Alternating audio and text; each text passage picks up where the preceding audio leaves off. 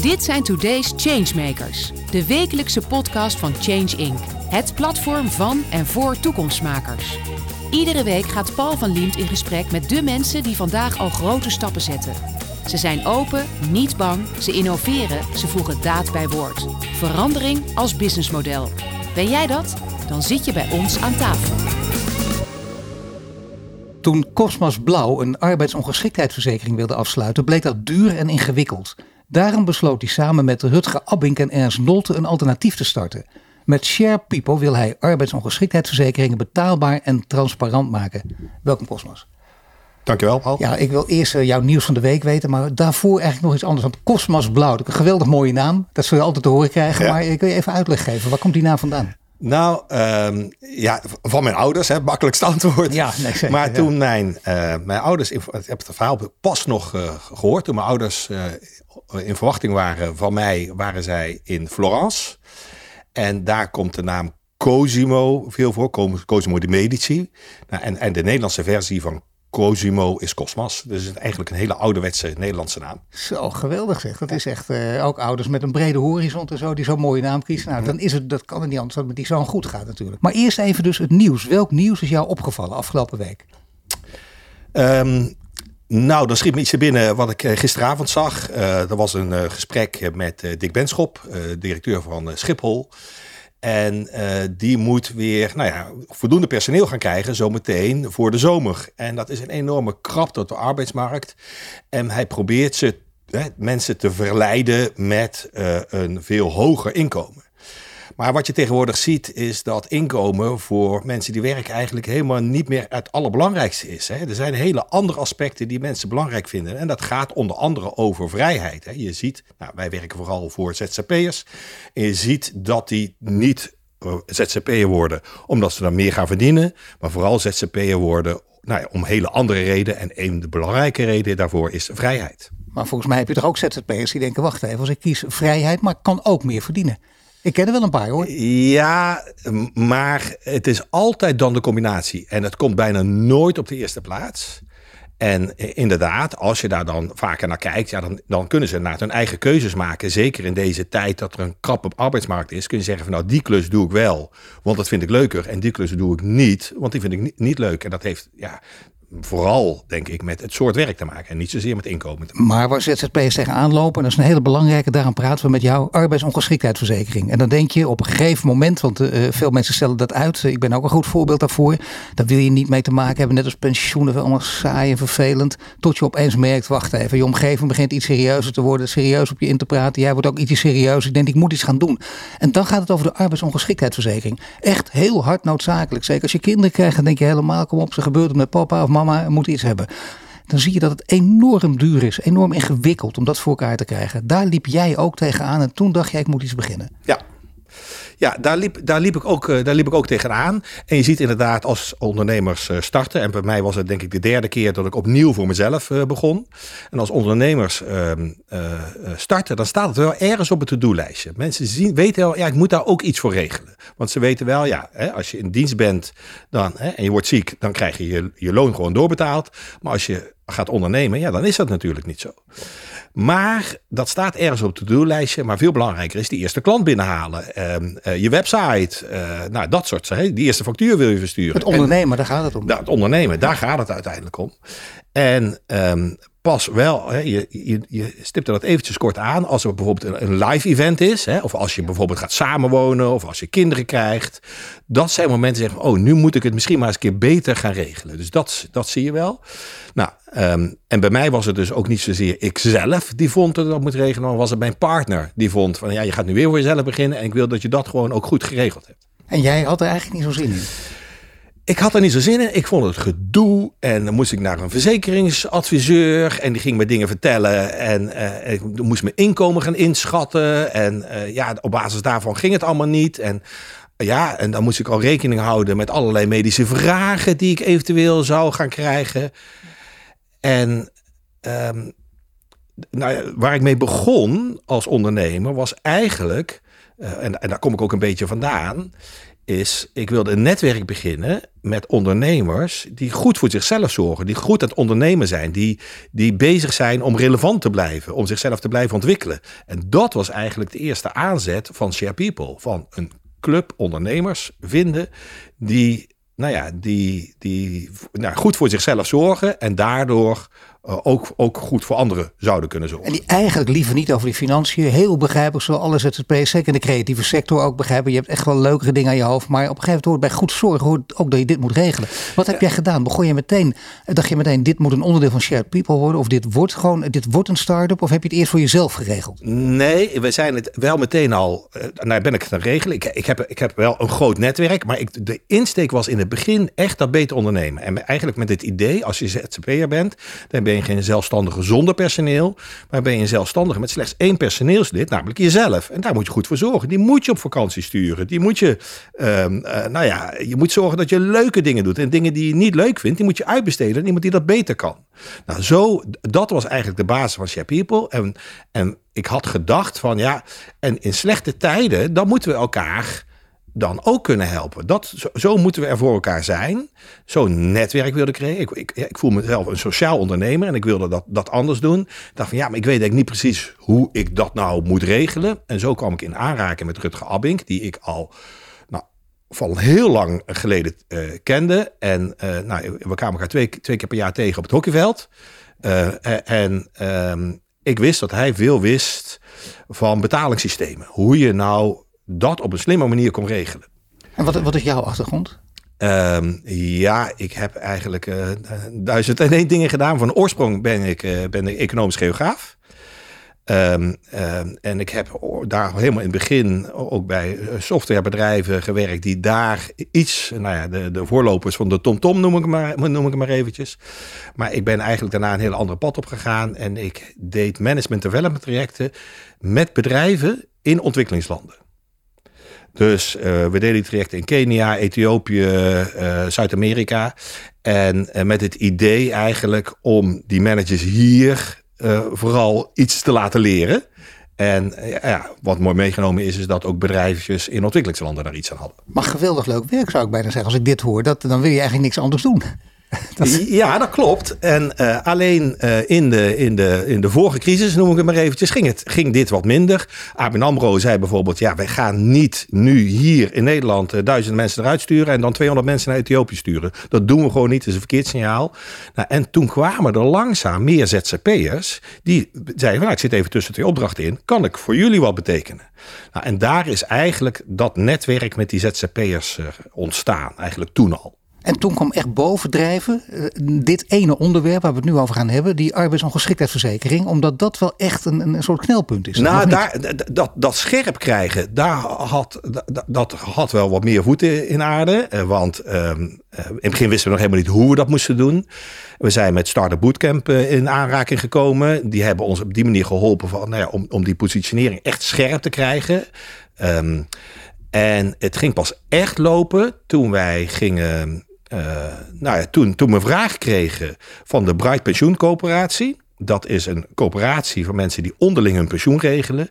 Die zeiden van, goh, kunnen wij eigenlijk niet een onderling een broodfonds starten. Het had het broodfonds gezegd, ja dat kan niet, want dan moet je met 50 man zijn. En het broodfonds zijn, ja, ze waren toen iets met de 1000 of 2000 man.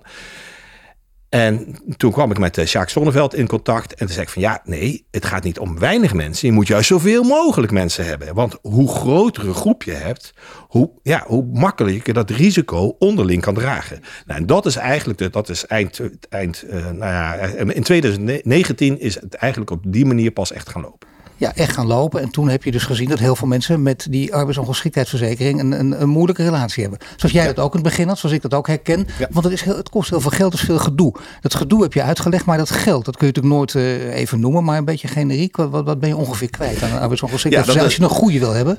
Nou, dat, is, dat hangt dus heel erg af van je beroep, van je leeftijd en van je medische, medisch verleden. Hè? Dus je moet eerst allerlei gegevens vertrekken. En dat, en dat maakt het ook ingewikkeld, want jij weet niet wie wat accepteert en zo. Dus je moet daar al naar een verzekeringstussenpersoon, die ook daar al wat voor rekent. Dus die, het, alleen al het spreken met de verzekeringstussenpersoon, dat kost je minimaal 250 euro. Hè? En dan ben je net begonnen en dan ook nog eens een keer vaak een jaarlijkse fee. En dan ben je, nou, uh, voor een beetje arbeidsongeschiktheidsverzekering, ben je zo 200 euro de maand kwijt, minimaal. Ja, minimaal. Ja, dat zijn flinke bedragen. Daar schrikken mensen van. We zien er toch vaak van af. Uh, even nu, ja, een beetje het verstandige verhaal. Waarom is het heel hard nodig om het zo, ook mensen die nu denken, nou voor mij zien, ik neem gewoon het risico. Nou, dat heeft er vooral mee te maken omdat uh, arbeidsongeschiktheid overkomt je dat, dat, je kunt natuurlijk heel veel zaken, kun je, kun je, door, beter, door beter te ondernemen, kun je, kun je uh, wel heel veel dingen voorkomen, maar heel veel dingen overkomt je. Ja, uh, als jij uh, kanker krijgt of zoiets akelijks, ja, dat kun je, daar kun je je niet op, op voorbereiden. Dus dat, ja, dat, dat overkomt je. En als je dan arbeidsongeschikt wordt en nooit meer kan werken, dan is dat heel veel geld. En mensen realiseren zich dat niet, dat je uh, nog wel 20 jaar of 30 jaar uh, dat, nou, nou, dat, dat bij elkaar moet zien te verdienen. En dan gaat dat om, om, om een miljoen misschien wel, of nog wel meer. Nou, en dat hebben de meeste mensen niet op hun bankrekening staan.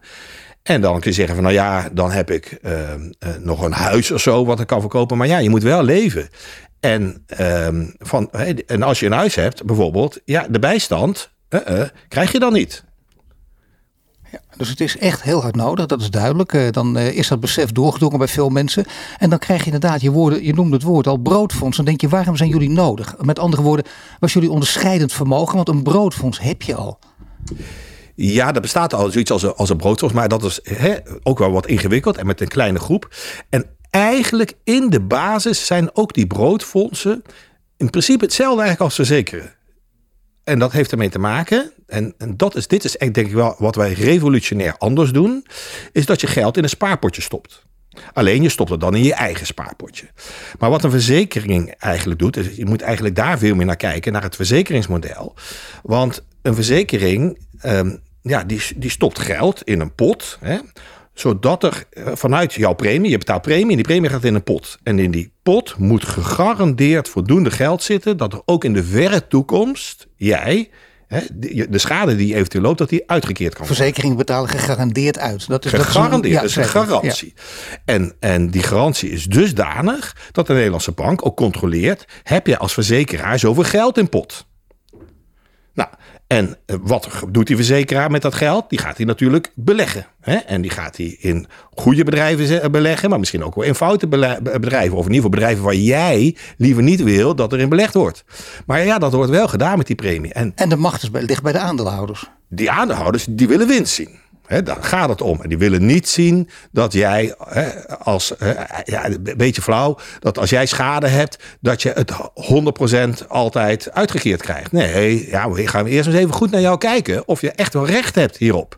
dus je moet, nou ja, en, en dat, dat maakt, dus, niet, dus de winst inderdaad, maar vooral ook al die kosten die in zo'n systeem zitten, ook, ook die compliance, et cetera, maakt dat ongeveer 50%, vaak nog minder, van jouw premiebetaling slechts aan schade, voor schade gebruikt wordt. En de rest gaat op aan kosten en winst voor die verzekeraar.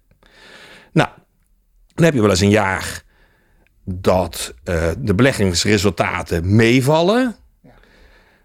Nou, wat gebeurt er dan? Meer winst voor de verzekeraar. En je zult misschien dit jaar wel hebben dat beleggingsresultaten tegenvallen. Dat gebeurt ook, zeker. Wat denk je dan? Minder winst voor de verzekeraars? Nee. Gaat de premie omhoog? Altijd tarief omhoog. Dus dat, willen jullie, dat systeem, daar willen jullie gewoon vanaf. Daar willen we vanaf. Dit systeem klopt en niet. En uiteindelijk dus ten diepste, daar gaat het natuurlijk om, niet de macht bij de aandeelhouders. Nee. Maar hoe ziet het er dan wel precies uit? Want stel nu dat ik besluit, ik luister naar dit verhaal, ik denk, ja, die Cosmos heeft me helemaal overtuigd. Ik wil dit ook gaan doen. Ja, nou, daar, daar, we, zijn, we zijn in 2019 een coöperatie gestart. Hè, want het is wel leuk dat Rutger Ernst en ik dat, dit, eh, dat wij dit verzonnen hebben. Um, waarbij nou, ik het, misschien het idee heb. Eh, Rutger heeft bedacht van hoe we betalingen aan elkaar kunnen doen. Een slim algoritme ervoor bedacht. En Ernst is degene die met zijn softwarebedrijf dit gebouwd heeft. Maar wij vonden wel van ja, hè, People is van ons allemaal. Dus we zijn een coöperatie begonnen. Dus je kunt als deelnemer van Share People kun je dus lid worden of eigenlijk aandeelhouder worden van Share People zelf, van het systeem die dit regelt. En het systeem regelt eigenlijk dat um, de schade hè, betaald wordt 100% uit de premiebetalingen. Nou, En omdat dat geen verzekering is, zijn die premiebetalingen zijn eigenlijk donaties aan degene die ziek is. Dus um, nou, we zijn nu met uh, bijna 9000 mensen. Nou, als er één zieke is, gaan er niet 899 betalingen naar één zieke. Hè, maar, maar gaan er bijvoorbeeld 100 mensen worden geselecteerd om aan één zieke te betalen. En hoe worden die geselecteerd? Nou, dat, dat, dat, dat is het systeem wat wij bedacht hebben. En dat gaat op, uh, nou ja, uh, we berekenen de had moeten betalen. Dus als jij voor duizend, dus nou, ik moet het even iets anders uitleggen. Als je meedoet met Share People 1000, hè, dus dat je zegt, ik, ik ben voor 1000 euro gedekt tegen arbeidsongeschiktheid. Um, dan doen we dat bedrag maal het ziektepercentage. Dus als er 2% zieken zijn, wat nu ongeveer klopt, dan betaal je dus 20 euro aan een zieke. Dus zo rekenen we uit, wat had je deze maand moeten betalen? Nou, dat is als 2% ziek is, moet jij 20 euro betalen. En doe je met 3000 euro mee, moet je 60 euro betalen. Nou, en op die manier rekenen we uit wie is er aan de beurt om te betalen. En dan komt iemand bovenaan te staan. En dan staat iemand die als laatste betaald heeft, staat onderaan. Ja, dat is een slim systeem. Ook een transparant systeem. Want dat werkt natuurlijk ook op heel veel manieren. Met blockchain bijvoorbeeld zie je dat ook. Iedereen kan zien wie wat doneert. Ja, ja wij, zouden dit, wij zouden dit inderdaad in de blockchain kunnen stoppen. Maar dat maakt het eigenlijk weer ingewikkelder. Ja. dus, uh, en er zit nog iets anders aan. We, het, het, gaat om mensen en we maken het persoonlijk. En via blockchain is het niet persoonlijk. En dit is wel hetgene wat, waar, wat mij ook wat meest verrast heeft. Waarom het zo goed werkt. Mensen doen die premiebetaling bij People heel graag. Dat vinden ze fijn om te doen. Want als, als jij ziek bent, Paul, en jij krijgt, hè, dus, eh, ik, ik, krijg een donatieverzoek om aan jou auto te doneren, dan staat daar niet meneer Van Liemt, maar dan staat daar eh, dat ik aan Paul moet doneren. Nee, maar dat is letterlijk het goede gevoel, dat, dat krijg je mee. Natuurlijk. Nee, en, en dan kan ik een berichtje erbij doen, beste Paul, van harte beterschap. Dus dat, hè, dan doe je een WhatsAppje, doe je bij jouw betaling. Nou, en dat gaat dus rechtstreeks van mij naar jou. En dat voelt goed, dat is gewoon fijn. En voor degene die het ontvangt, voelt het ook goed. Of zelfs nog sterker, soms voelt het helemaal niet goed. dat hebben we in coronatijd gehad. Dat klinkt raar. Maar hebben we mensen gehad die zeggen van ja, in coronatijd altijd heel veel ZZP'ers zitten thuis. En dat was bijvoorbeeld iemand die was een recruiter. Die zei: Ik heb twee maanden geleden, voordat ik ziek was, iemand geplaatst bij een opdrachtgever. Daar krijg ik nu mijn geld van. Ik ben weliswaar 50% arbeidsongeschikt, maar laat maar zitten. Nou, dat kun je bij een verzekeraar niet voorstellen. Maar er zijn dus mensen op die manier geweest, corona gezegd hebben: laat maar zitten. Ik hoef nu niet gesupport te worden door ZZP'ers die in de horeca werken of weet ik wat. Ik, eh, nou, dat, en, en dat zijn enorme voordelen. Het is ook uiteindelijk goedkoper. Het is een persoonlijke, heel belangrijk. Zeker als je het vaak zo schetst. Er staat er wel één ding tegenover, denk ik ook. Tenminste, als het waar is. Het, is het wel of geen arbeidsongeschiktheidsverzekering dan voor het leven? Ja, dat is een goede vraag. Dat was het niet. Um, maar vanaf uh, eh, 1 juli gaan we starten. Uh, of eigenlijk gaan we onze dienstverlening uitbreiden. En dan krijg je een dekking tot aan pensioenleeftijd, mits je, arbeid, uh, mits je 100% arbeidsongeschikt bent. Hoe heb je het voor elkaar gekregen? Nou, dat, dat, uh, dat heb ik eigenlijk niet voor elkaar gekregen. Want dat, dat kunnen we nu door voor elkaar krijgen door, uh, doordat we voldoende massa hebben. En we hebben, hebben vragen, ook wel vaak feedback aan onze deelnemers. Van, nou ja, willen jullie dat? En dat komt natuurlijk ook doordat er een, uh, dat de regering gezegd heeft, of eigenlijk is het in pensioenakkoord afgesproken van er komt een verplichte arbeidsongeschiktheidsverzekering. Maar tegelijkertijd zitten er zoveel uh, na, heet het, uh, lastige issues bij. Hè? Allemaal juridische hobbels heb je. Nou ja, er zitten heel veel issues bij om dit, om dit voor elkaar te krijgen. Dus die, die verplichte arbeidsongeschiktheidsverzekering die gaat er niet voor 2026 komen. En zelfs als die er komt, ja, dan is het waarschijnlijk een hele dure oplossing, een hele ingewikkelde oplossing. Nou ja, omdat in zekere zin staat het al hoort, past het ook weer niet bij het ZZP-schap. Nee, en, en, ja, en, en, je zult je ziek moeten melden bij het, bij het UWV. Hè? Hoe ga, je, dat, hoe ga je dat in godsnaam uh, regelen? Dus wij hebben eigenlijk twee dingen gedaan. We hebben onze deelnemers gevraagd, stel dat wij dat regelen, doen jullie dan mee? Ja, en meer dan 70% heeft gezegd, ja, dan doen wij mee. En dat hebben we wel nodig, want je moet hier wel voor, hè, voor de long run inzitten. Want ja, dat betekent dat we mensen misschien wel 10, 20 jaar moeten ondersteunen. Of eigenlijk iets anders ingewikkelder gezegd. Dit is meer het verhaal van mijn, mijn eh, compagnon Rutger, die meer de slimme rekenaar is. Als, als jij nu ziek wordt en we moeten jou nog 10 jaar lang door blijven betalen. En dan, dan worden eigenlijk de ziektes steeds gestapeld. Nu wordt dat twee jaar gedaan. Dus op een gegeven moment valt er iemand ook weer af. Maar als we iemand heel lang moeten doorbetalen, ja, dan, dan is het in het begin stapelen. Dus wordt het langzaam aan een heel klein beetje duurder als die, die, die groep even groot blijft. Nu is het wel zo dat uh, veel mensen zijn, zeggen economen tenminste, uh, economen zijn het op veel gebieden niet eens, maar hier geloof ik wel over eens dat veel mensen zijn toch wel calculerende burgers, ook ZZP'ers. Dus die denken, wacht even, ik hoor nu van Cosmos, interessant, ik heb het nog niet willen doen, maar nu blijkt dat het voor het hele leven is. Dan ga ik me er wel bij aansluiten. En dan krijg je dus ook uh, gelukszoekers, maar dan om de verkeerde reden misschien wel. Ja, nou dat is wel, en, en, en, en dat, dat, dat, dat is wel waar. Dus we, konden, we kunnen bij die Share People twee jaar, hè, zoals we doen, kunnen we eigenlijk heel makkelijk mensen, mensen aannemen. Gaan we helemaal niet je medische verleden en dergelijke checken. Maar wij kunnen niet ruimhartiger zijn dan verzekeraars. Zeker niet nu we starten.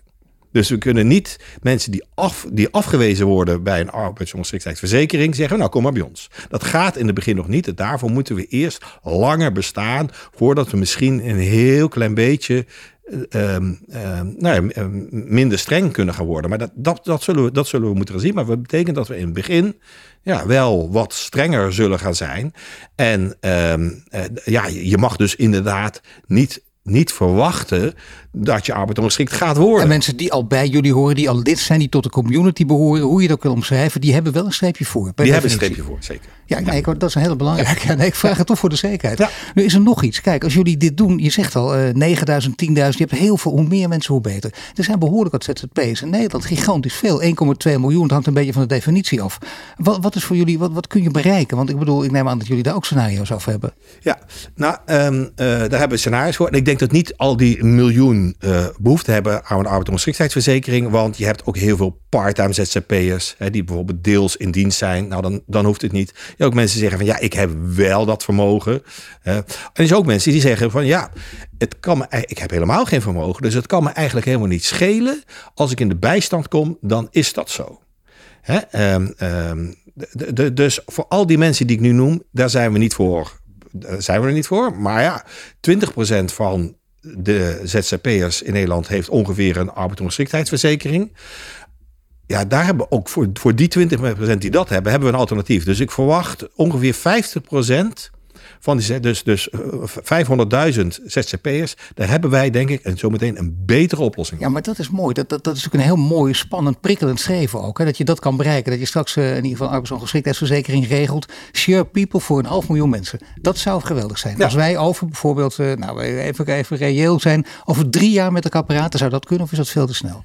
Nou, dat, dat heel snel. Ja, ik denk dat dat wel heel erg snel is.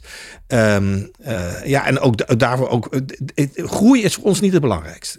We willen dit goed doen. En eh, we hebben het nu steeds over de financiële kant van het verhaal. Maar hè, zoals ik net vertelde, waar ik vandaan kom, gaat het eigenlijk over het ontwikkelen van die mensen. En dan gaat het over dat jij als ZZP'er duurzaam inzetbaar moet zijn, moet blijven. Dus, dus het is veel belangrijker om niet te kijken van, ja, moet ik eh, oké, ik moet iets hebben voor als ik op geschikt word. Nee, je moet vooral iets hebben om te zorgen dat jij je verdiencapaciteit houdt. Dus misschien moet je op tijd jezelf gaan omscholen. Nou, dat is de dienstverlening die we nu ook aan het opstarten zijn. Dat heet Share People Crowdability. En dat is eigenlijk, je zou kunnen zeggen, de arbodienst voor ZZP'ers, maar dan echt wel anders ingevuld. He, veel meer naar, nou ja, hoe blijf je relevant? En ook persoonlijke, dat kunnen jullie ook waarmaken. Dat scheelt ook natuurlijk. Ja, ja. Nu is het wel uh, ook denk ik nog een, een, punt dat hier toch ook wel een rol speelt. Uh, je wil weten natuurlijk, hè, je hebt al die andere redenen ook genoemd. En zeker met, met, uh, met deze verbreding van je, van je organisatie. Maar wat kost het? Want je zei net, ik kan het eigenlijk niet zeggen, maar toch, arbeidsongeschiktheidsverzekering 200 euro gemiddeld. Dat zijn flinke bedragen, misschien wel meer. Ja. En bij jullie, wat ben je dan gemiddeld kwijt? Nou, kijk, wij moeten ergens van leven. Dus als ik zeg dat de premiebetaling en de schade exact even, even, even hoog zijn. Um, dat, ehm, ja, dus dat, en, en dan ziek dat ziektepercentage ongeveer op, op 2%. He, dus dat is wat je ongeveer moet doneren. Dat, dus nou ja, als je met 3000 meedoet, is dat 60 euro in de maand. Doe je met 1000 euro mee, is dat dus 20 euro in de maand. En daar komt tot nu toe een tientje op wat je aan ons uh, kwijt bent. Maar dat wordt vanaf 1 juli 15 euro in de maand voor he, tot aan pensioenleeftijd gedekt. Inclusief die arbodienst voor ZZP'ers. Nou, moet je kijken, dat zijn enorme verschillen. Hele grote verschillen. En jullie mogen jezelf intussen nog steeds niet officieel een verzekering noemen. Niet onder toezicht staan je van de Nederlandse bank. Nee, we staan niet onder toezicht en dat willen we zo houden. We willen ook heel goed uitleggen aan onze deelnemers. Wij zijn geen verzekering. Het is geen garantie. Hè? En um, ja, hè, wat zei ik? Tot en met maart 2020 hè, legde ik dit verhaal echt uit. Van ja, wij kunnen maar een zeker ziektepercentage dekken. En dat is namelijk 6%. En dat zal misschien permanent, bij permanente arbeidsoverstrek nog iets hoger gaan worden. Um, misschien wel 8%. Maar hè, het was altijd 6%. Dat wil zeggen, als er meer dan 6% zieken zijn dan zit er onvoldoende hè, in, in, in de potjes van de, van de. Dus dan, dan krijg je als zieke minder. Nou, uh, dus als het in plaats van 6% 12% zieken zouden hebben, dan krijg je als zieke, hè, doe je maar 1000 euro mee, dan krijg je slechts de helft. En dan zei ik toen van ja, maar dat gebeurt niet tenzij er een pandemie komt.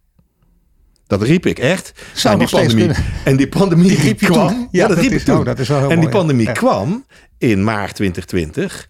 En toen zei, hè, en ik zat op dat moment in Australië. En toen ben ik een, een webinar gaan houden voor al die deelnemers. Van ja, wat, wat moet er nou? Toen heb ik gezegd, ja, als wij met z'n allen tegelijkertijd corona krijgen in april 2020. Dan zijn we de pineut. Ja, dan zijn we de pineut. Maar dan gaat het ziektepercentage van toen nou, iets meer dan 1%, 1,2% geloof ik, gaat dan met ongeveer 2,5% omhoog. Want dat is ongeveer het aantal wat op de IC terechtkomt. Dus stel nou dat dat de mensen zijn die permanent ja, worden. Ja. Nou, en kunnen we dat dragen? Ja, we kunnen 2,5% verhoging kunnen wij makkelijk dragen, want we, we, zitten nog lang niet aan de 6%. Nou, en dat was een geruststelling. Nou, en uiteindelijk is het natuurlijk, ja, dat ziektepercentage is natuurlijk omhoog gegaan, maar dus niet die nieuwe zo pandemie, Die nieuwe pandemie die eraan zou kunnen komen, de najaarsgolf, die kun je ook makkelijk weerstaan. Nou ja, en je vroeg net, uh, waarom kunnen we dat nu wel? Wij hebben ook dit doorstaan. En we weten nu helemaal zeker, ja, onze cijfertjes kloppen eigenlijk wel. We kunnen ook, hè, er is een aan zekerheid grenzende de waarschijnlijkheid dat we die 6% of zo meteen misschien iets hoger, dat we dat niet gaan halen. En de oorlog, de geopolitieke verhoudingen, want die kunnen natuurlijk ook voor heel veel ZZP'ers een grote rol spelen. Nou, ik denk dat, dat een, een aankomende crisis op die manier een rol zou kunnen spelen. Dat er, dat er weer massa-ontslagen gaan komen, dat heel veel mensen voor zichzelf uh, uh, gaan beginnen of, en daar geen inkomen meer uit kunnen halen. Nou, en dan blijft dat tweede component eigenlijk veel belangrijker. Hoe zorg je ervoor dat je duurzaam inzetbaar blijft? Dus dat je moet zelf blijven ontwikkelen. En dat je uh, niet de star moet vasthouden. Je die arbodienst, uh, tussen, arbodienst 2.0. Ook al mag je dat misschien zo niet noemen. Want ik zeg het voor de grap. Maar het is ook wel serieus. Broodfonds mogen jullie zelf officieel niet noemen. Nee. Omdat het een merknaam is. Zoiets heb ik begrepen. Ja, omdat uh, Broodfonds is een merknaam inderdaad. Dus daar gebruiken ze meer voor schenkringen eigenlijk als alternatief. Maar wat wij doen is echt wel een stap verder. Want het is eigenlijk veel meer een alternatief voor verzekeren. En dat, uh, nou, dat, dat, dat uh, wordt crowdsurance genoemd, hè, waarbij je dus met de crowd eigenlijk je verzekert. Zonder dat het een echte verzekering is, want dat zijn we dus niet. Nee. Nu heb je eh, een paar keer al de namen van jouw partners, mede-oprichters genoemd. Dat is heel netjes, maar het is ook heel belangrijk om dat te doen. Want ja, dat heeft ook met leiderschap te maken. Daar praten we hier altijd over in deze reeks ook natuurlijk, als we met changemakers praten. En ja, de verhoudingen liggen soms gespannen of liggen divers. In jullie geval is er wel geloof ik een apart verhaal aan te vertellen. Want jullie zijn blijkbaar dit verhaal hele andere mensen. Met een hele andere achtergrond in ieder geval. Ja, mensen met hele andere achtergronden. Maar ik denk nog, nog belangrijker. Ja, we zijn met drie oprichters. Maar we zijn een organisatie van ZZP'ers. Dus um, uh, ja, ik zei net, ik zat in Australië.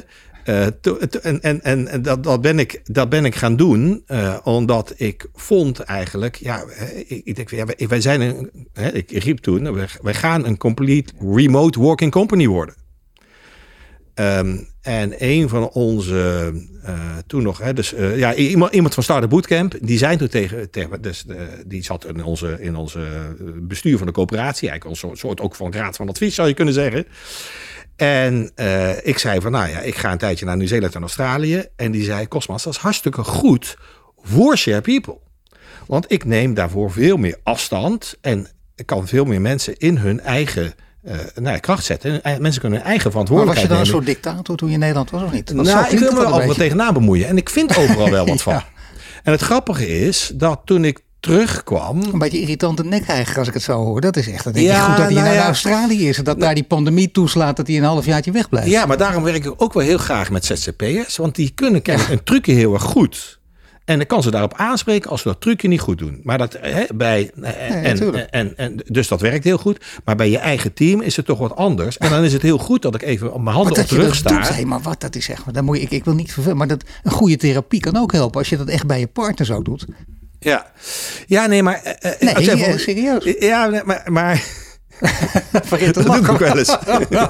ja, ja. Nee, maar ehm, eh, het is juist heel goed om afstand, afstand te houden. En ik denk dat daar uiteindelijk ook het idee voor ontstaan is om nog een stap verder te gaan dan, dan dat we al deden. Alleen je moet wel het juiste moment vinden om een stap verder te gaan dan Ja. hè, alleen maar een van 2.0 zijn, eh, zoals we helemaal in het begin zijn. Hoe hebben jullie nu dan eh, de- dat, dat, leiding, dat, dat leiderschap eh, een andere definitie gegeven? Maar hoe werkt dat dan nu in de praktijk? Ja, ehm, ehm, het, het, ja, om, te zeggen, we zijn echt heel erg een proberen een netwerkorganisatie te zijn van mensen die en remote werken en ZZP'ers en een klein team op kantoor of, eh, nou ja, of ergens anders. Ja. Ja. Ja, je hoort het, we mogen niet langer doorpraten. Nee, Nee. dat is echt onverbiddelijk gewoon. Dat is, eh, zo gaat het keihard, we schrikken er gewoon van. Maar dit is denk ik ook het verhaal. En dat betekent dat jij gewoon eh, hier reflectie hebt gepleegd, ook op je eigen leiderschap. En daar dus ja, een nieuwe definitie aan hebt gegeven. En jullie zijn nu drie gelijkwaardige partners, moet ik het een beetje zo zien? Drie gelijkwaardige leiders? Eh, poeh. Of is er altijd één die de knoop uiteindelijk doorhangt? Nou ja, ik denk dat ik wel de knoop doorhak. Nee, het is eigenlijk anders. Nee, nee, het is anders. Eh, Ik zeg, we gaan het zo doen. En Rutger is altijd, moet er een nachtje over slapen. En dan, oké, en, en dan hakken we de knoop door. Zo Oh, gaat het mooi, eigenlijk maar dat is heel mooi. Dat werkt heel goed of niet? Dat werkt hartstikke goed. Oké, houden we zo. Dank je voor dit verhaal. Cosmos Blauw. Je luisterde naar een podcast van Change Inc. Mede mogelijk gemaakt door onze partners Achmea, Albron, Ebbingen, Renewy en Vattenfall. Bedankt voor het luisteren naar de Today's Changemakers podcast. Een productie van Change Inc. gepresenteerd door Paul van Liemt. Ben of ken jij een changemaker? Meld je dan snel aan via onze Change Inc. website. Wil je dat meer mensen geïnspireerd worden? Deel de podcast dan op sociale media. Wil je meer afleveringen luisteren? Volg ons dan nu via je Spotify, Apple Podcast of je favoriete podcast app. En krijg een melding wanneer er een nieuwe aflevering online staat.